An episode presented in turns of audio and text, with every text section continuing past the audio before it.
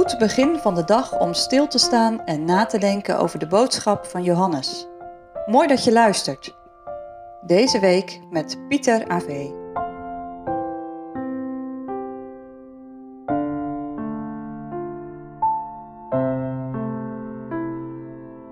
Hashtag 108.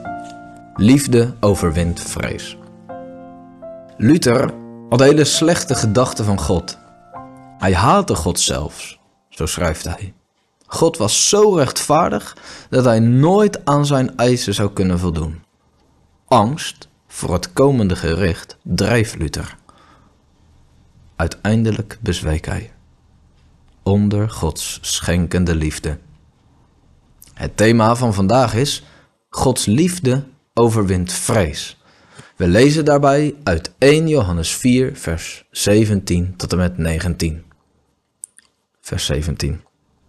Hierin is de liefde bij ons volmaakt, opdat wij vrijmoedigheid mogen hebben in de dag des oordeels, namelijk dat gelijk Hij is, wij ook zijn in deze wereld. Er is in de liefde geen vrees, maar de volmaakte liefde drijft de vrees buiten. Want de vrees heeft pijn, en die vrees is niet volmaakt in de liefde. Wij hebben Hem lief, omdat Hij ons eerst lief gehad heeft.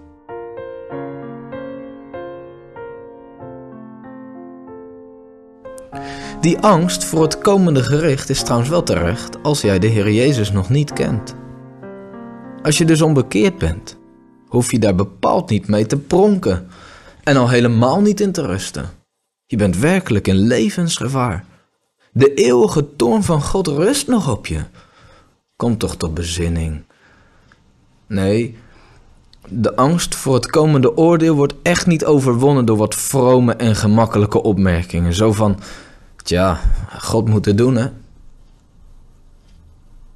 De tekst uit vers 18 richt zich in het bijzonder tot de gelovigen.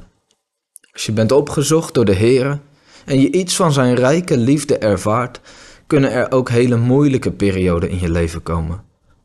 Tijden dat het lijkt alsof alles wat je hebt meegemaakt helemaal niets meer waard lijkt te zijn. Er komt angst in je gedachten. Zou God wel weten van mijn droevig lot? Soms heeft het een heel concrete zonde daar aanleiding toe gegeven. Als je toch weer een voetbalwedstrijd hebt gekeken. Of je bent verdwaald op je telefoon en op sites terecht bent gekomen waar je eigenlijk niet op wilt komen. Of je hebt iemand in het verkeer helemaal de huid volgescholden na een slechte nachtrust. Ja, je was wel in staat om jezelf aardig goed te praten, maar toch, het knaagt aan je. Die zonden beroven je van de vrede met God. Het kan ook zijn dat er zonde uit afgelopen jaren ineens in je geheugen komt. Of God onderende gedachten je hart teisteren. Kan dat wel samengaan met genade? Is het wel echt waar geweest? Of in de kerk wordt het evangelie verkondigd, maar je hart blijft koud. Het geestelijke leven is in slaap gevallen. Je wankelt.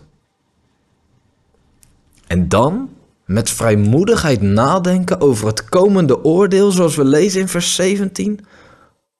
Onmogelijk. Straks bedrieg ik mezelf. Maar laat dan vers 19 eens op je inwerken.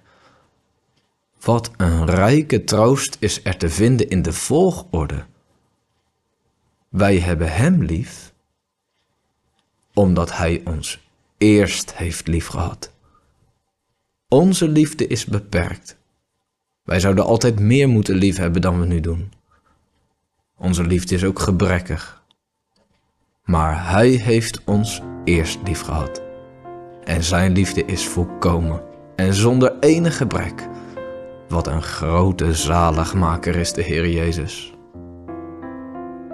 Welke angst staat er bij jou in de weg om de Heer lief te hebben?